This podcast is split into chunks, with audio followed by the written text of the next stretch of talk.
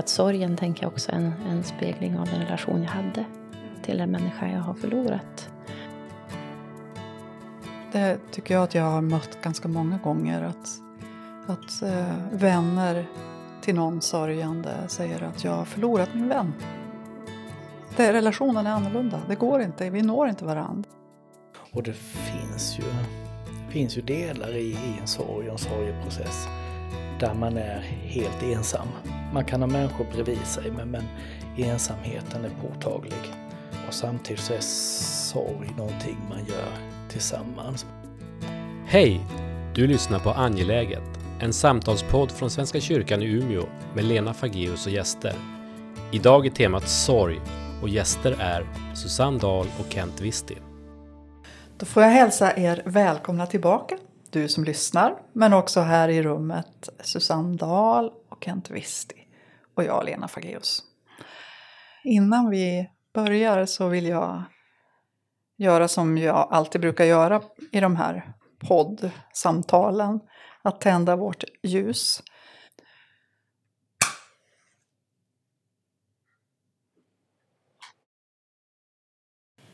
Vi har påbörjat ett eh, samtal om sorg. Och det, vi har börjat så smått att svara på lite frågeställningar. Så jag tänker kasta mig in i nästa fråga. Mm. Och det, det kändes ju som att ja, men bara den enda frågan vi, vi hann svara på förra, eller reflektera kring förra, känns ju som att vi har ju inte precis uttömt det. Nej. Eller hur? Utan det är någon slags evig, evighet. Den här. Hur förhåller man sig till en partner i sorg som inte vill dela sin sorg eller prata om den fastän man ser hur dåligt den andra mår? Vad ska vi säga om det? Mm. Det är alltid jätte, jättesvårt att komma med generella svar eh, på en sån fråga. Jag, tänk, jag tänker mig att frågeställaren har en speciell relation i åtanke. Sin egen eller någon andra. Så. Eh, men jag tänker att man kan börja ställa frågan till sig själv. Eh, vad, vad, är det jag, vad är det jag vill med att partnern skulle öppna sig? Är det för min skull? Är det för relationens skull? Eller är det för partnerns skull? Eller är det för, för allting sammantaget? Men jag tror det är en bra början att börja i. Vad är mina egna behov? Ja, Ja. och, för jag tänker mig att någonstans, nu vet man inte heller hur den här relationen är byggd och hur den har fungerat och vilka mönster som finns i den. Men, men det är möjligt att det inte finns plats för sårbarhet, bräcklighet i relationen. Eh, Eller att personen själv har väldigt svårt att- att närma sig sårbarheten i mötet med en annan människa. Och- då kanske det inte heller är just i relationen det ska hända. Eh, ja, och då finns också den risken att om ens partner då skulle öppna upp sig för någon annan, en vän, annan släkting, kurator, präst, psykolog eller vad som helst, att man, att man själv känner sig otillräcklig och kanske bortvald. Eh, det finns mycket i det här, men jag, jag tror att det, det viktiga är att man faktiskt vågar vara ganska frank och ärlig i och säga att jag ser att du mår dåligt, jag är orolig för dig, eh, jag tror att du skulle behöva det här, jag finns här. Eh, Utan att avkräva någonting eller att göra anspråk på att jag är den som du ska öppna upp det här för. Jag tror att det är väldigt många som, som kan uppleva att man eh, om en partner eller vän är i sorg så gör man själv en förlust av sin partnervän. Alltså att relationen förändras. Mm. Så att det blir också ens egen förlust som väcks även om man inte delar förlusten.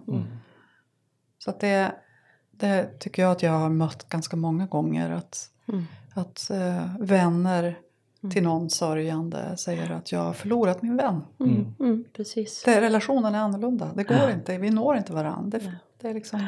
Mm. ehm, så det, så det är väl en sak bara att tänka att det, det kanske är så att ja, men, det är förändrat. Mm. Det är förändrat. Och som du säger, ja, men en förlust och en sorg i sig. Mm. Är det. Mm. Men som också tänker ibland med att vara den som står bredvid. Kan också vara en, ja, men, ja, men en, en svår roll att ha. Och också för att någonstans, ja men huvudfokus är ju faktiskt min partner som är i sorg. Och min sorg har ju inte riktigt rum eller kanske giltighet utifrån att den blir sekundär i relation till så. Eh, så att det är ju att sätta ord på det, att det faktiskt som du säger, men det är något som har förändrats. Eh, och jag saknar Mm, jag Det vi hade. saknar Jag det vi saknar. hade. Precis. det vi hade. Eh, och sen tänker jag så här väldigt konkret handfast också. Det vi var inne på, ja, men vad är mina behov? Och också den här frågan, vad, vad behöver du?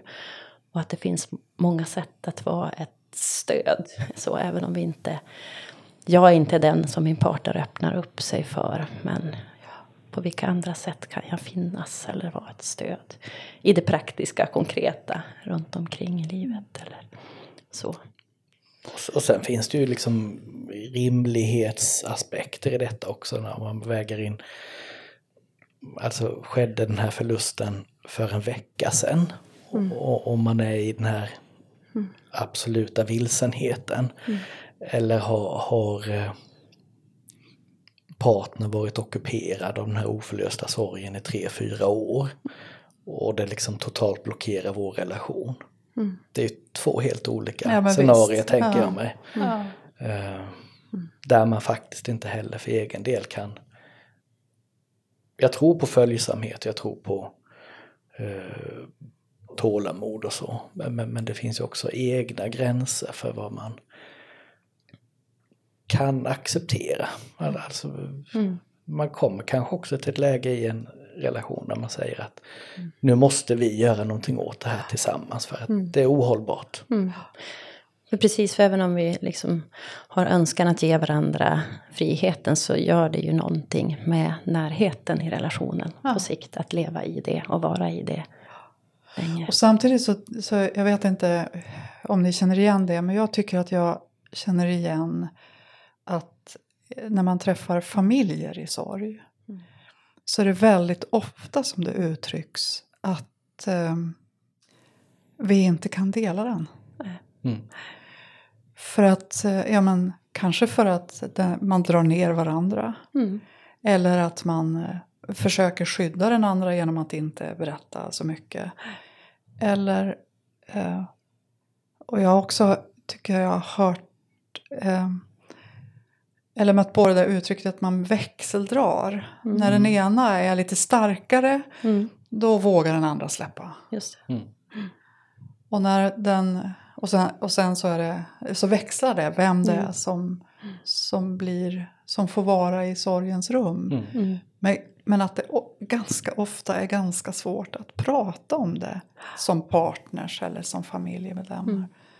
Jag vet inte om ni känner igen Mm. det från era möten med sörjande. Om att det kan vara så att det är svårt just att Mm. dela i familjen Mm. sorgens känslor. Mm. För att man oftast är... Här låter, I den här frågan så lät det ju som att det är den ena partnern som är Mm. sörjande Mm. och inte den andra. Mm. Men när, man, när båda sörjer att det Mm. kan vara sådär att, man, Mm. att det är svårt att dela. Och det finns ju, det finns ju delar i, i en sorg och en sorgeprocess där man är helt ensam. Man kan ha människor bredvid sig men, men ensamheten är påtaglig. Uh, och samtidigt så är sorg någonting man gör tillsammans. Men, men det, det kan vi ju se i liksom situationer med ett föräldrapar som har mist ett barn till exempel. Uh, det är en jättestor utmaning, åren som ligger framför. Hur man ska kunna vara i sin egen ensamhet i, i det rummet som sorgen öppnar upp. Och samtidigt försöka vara ett team även i sorgen. Eh, Det, ja, det, blir- det blir problem för många att ta tag i. Det är på inga sätt omöjligt. Nej. Men, men, men det blir...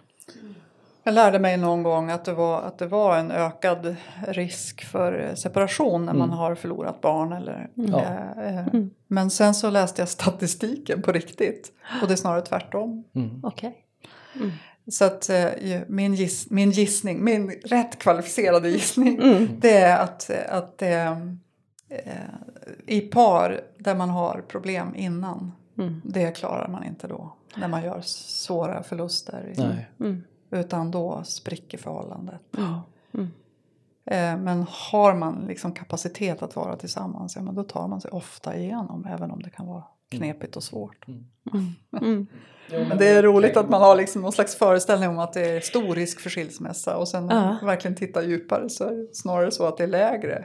Just ja, men det var ju intressant för jag känner igen den föreställningen. Ja. Eller har hört det. Men nu ska vi se, vi hade en fråga om ensamhet. Ska vi se.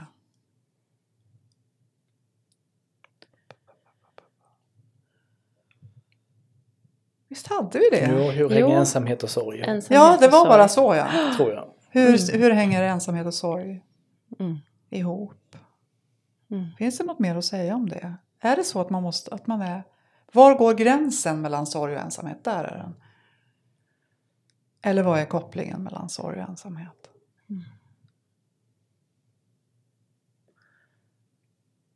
Ofrivillig ensamhet. Då, tänker jag. Eh, eller var det som jag gick igång på i alla fall utifrån att tänka kopplat till sorg. Så att jag är i en livssituation eller i ett läge eh, där jag är i en ensamhet och på en plats där jag inte vill vara. Och i det så finns det också, tänker jag, något som jag, har, som jag önskar och behöver av livet men som jag inte har eller har fått eller tagits ifrån mig. Eh, så. Mm. Ja. Men är det, så- är det så också att det finns någon del av sorg som alltid är ensam? Som man måste gå igenom själv? ja, men det tänker jag. Man kan inte nicka, man kan inte nicka i radio.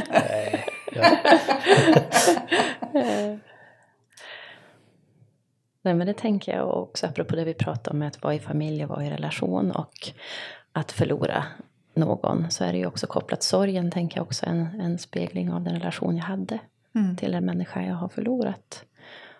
Och varje relation är unik också om vi har liksom, man lever i, i familj och då tänker jag också det där som, som kan bli en ensamhet att å ena sidan delar vi någonting här men samtidigt kan vi inte göra det fullt ut. Eh, utifrån att relationen till den vi sörjer har sett olika ut. Och därmed blir sorgen också olika. Sen är vi så individuella i hur vi sörjer och hur sorgen tar sig uttryck. Det som vi på lite finspråk kallar för copingstrategier. Eh, hur man hanterar hotfulla situationer. Um, och i dem så är vi ju helt individuella också. Och är man då i en grupp där varje individ har olika copingstrategier så blir det också ett ensamt arbete. Om, om man... Ja, det blir ett ensamt arbete. Jag tror att man, man får eh, man får släppa föreställningen om att det här ska vi göra kollektivt, hela sorgearbetet. Eh, för någon kan tycka om att skratta och skoja om, om den döde. Alltså roliga situationer det var ju så. Medan andra tycker att det är fruktansvärt att göra det så nära in på dödsfallet. Och, och det skapar också en ensamhet i att vi tar oss an det på så olika sätt. Förra gången så, så frågade Stefan, vår samtalspartner, vår tredje part, då, Mm. han sa ja, men det där med män och kvinnor, det ligger i linje med den där frågan som du ställer, eller det som du säger nu. Kenneth. Är det så att vi sörjer olika? Gör vi det? Finns det någon manlig sorg och någon kvinnlig sorg? Jag vet inte, det finns väl föreställningar om det, tänker jag. Eh, så. Och det här ja, men traditionella utifrån, tänker jag, hur vi har socialiserats in. Att kvinnor som mer verbalt kommunicerande, vana att sätta ord på känslor. Och, och också mera tillåtet som kvinna att vara i sårbarhet. Eh, eh, bara en sån sak som att gråta. Eh, och så. Men hur det faktiskt ser ut. Jag tänker ju att det är kanske föreställningarna som kan begränsa oss. Eh, snarare än att vi faktiskt sörjer på olika sätt. Eh, ja. Ibland pratar man om instrumentell och emotionell Mm. sorg. Mm. Alltså att en del behöver få göra och andra behöver få vara i känslorna. Mm. Så Mm. det, Ja. och det, det tror jag det finns väl gräns. Det är klart att det kan vara eh, en del män som är mera görare och kvinnor som är mera kännare. Men jag tror att, eh, att det, det är inte strikt mellan könen. Nej, och jag tänker också återigen de här föreställningarna som kan bli till begränsningar. Att jag Ja. som är mer emotionell skulle behöva mer av det instrumentella Exakt, avgörandet exakt. Ja. för att balansera. Så. Eh, Och sen är det alltid så, tänker man, de här generella, tydligast i manligt och kvinnligt med att vi har det rastret att lägga på våra föreställningar.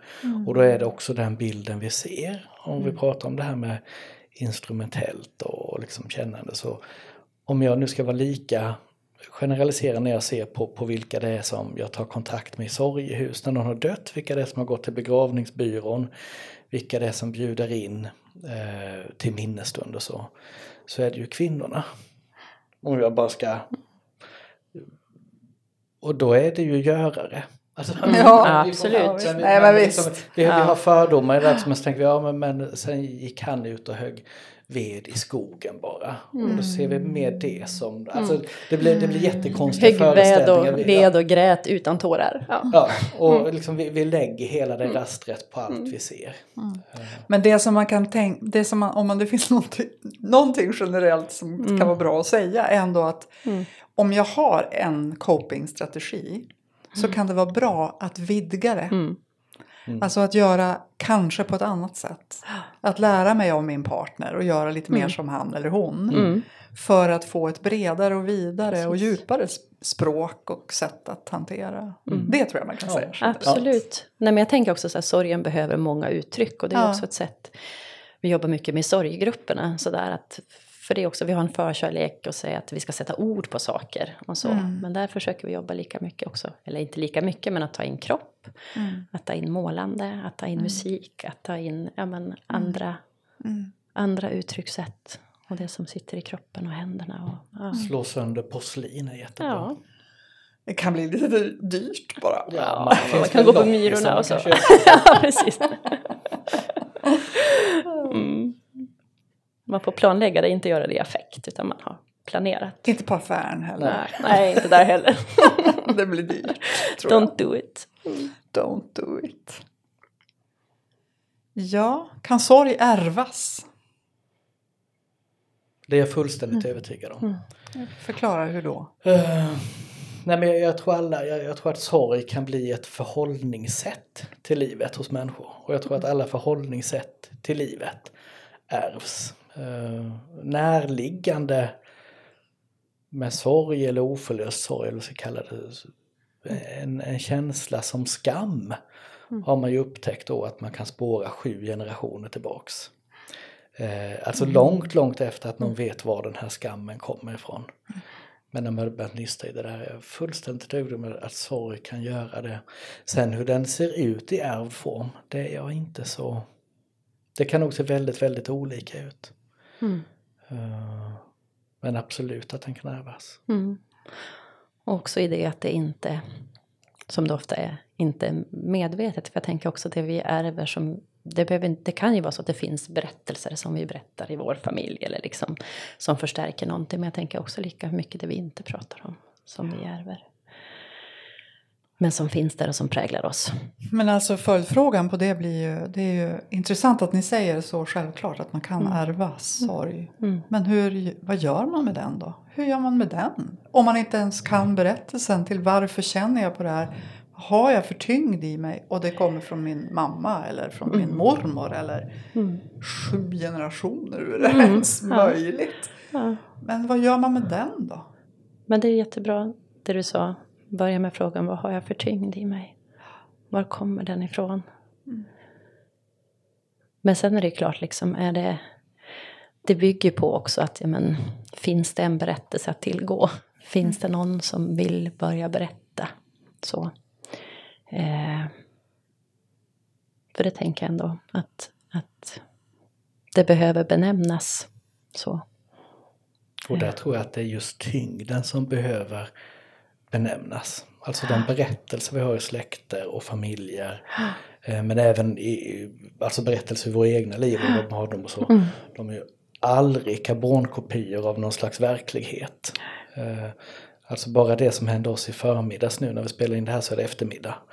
Eh, Så är det ju inte en verklighet vi minns.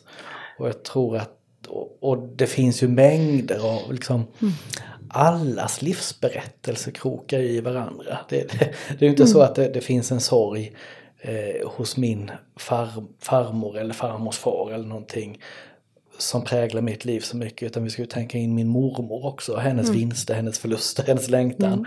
Vi måste tänka in min, min pappas skam, vi måste tänka in, alltså det där, det där att hitta, hitta en, en berättelse tror jag är jätteviktigt.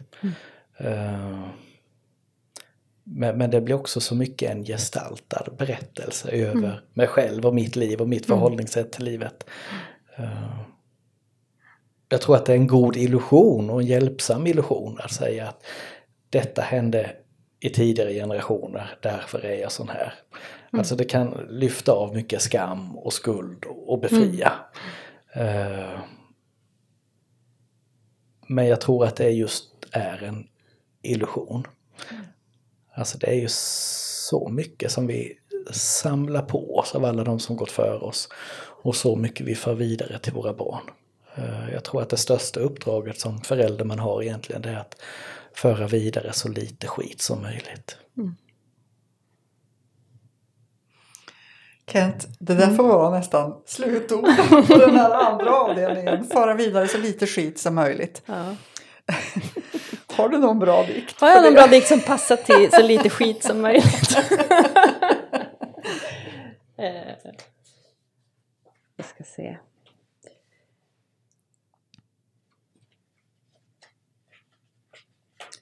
Jag tänkte på en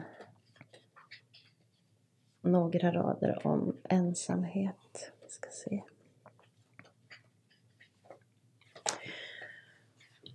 Ja. Du är inte ensam. Men det är ensamheten jag välkomnar nu.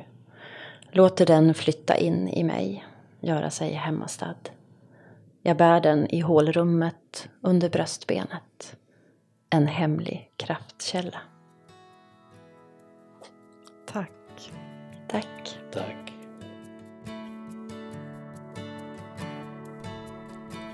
Du har hört Angeläget, en podd med Lena Fageus och gäster. Podden är producerad av Svenska kyrkan i Umeå. Vill du fortsätta samtalet når du oss på Svenska kyrkan i Umeås Facebook eller via e-post till umia.kommunikation svenskakyrkan.se. Tack för att du lyssnade.